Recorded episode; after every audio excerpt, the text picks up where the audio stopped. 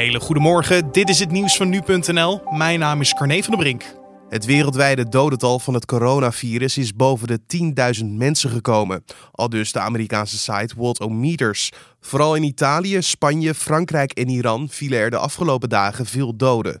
En in Nederland staat de teller op 76 doden door de gevolgen van het coronavirus. Inmiddels zijn wereldwijd ruim 87.000 mensen hersteld van het virus. En van de bijna 150.000 mensen waarvan het bekend is dat ze momenteel zijn besmet met het coronavirus, liggen er zo'n 7500 in serieuze of kritieke toestand in het ziekenhuis.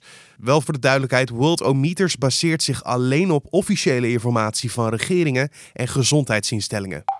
Het aantal maaltijdbezorgers dat slachtoffer is geworden van een overval is toegenomen van 96 in 2018 naar 130 vorig jaar.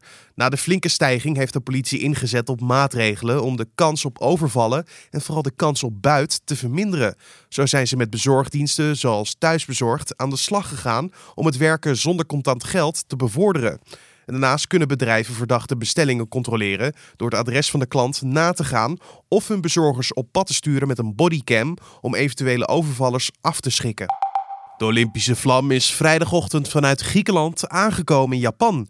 Door de strenge coronavirusmaatregelen was er slechts een klein ontvangstcomité.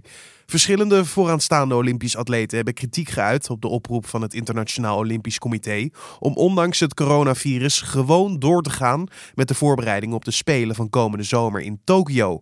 Want als het aan het IOC ligt, zullen de Spelen gewoon gehouden worden tussen 24 juli en 9 augustus. En in India zijn vrijdagochtend vier mannen opgehangen die ter dood waren veroordeeld voor de verkrachting van een jonge vrouw. In december van 2012 werd een 23-jarige studente door zes mannen verkracht in een rijdende bus in New Delhi. De mannen lokten de vrouw en een vriend in de bus die buiten dienst in New Delhi reed.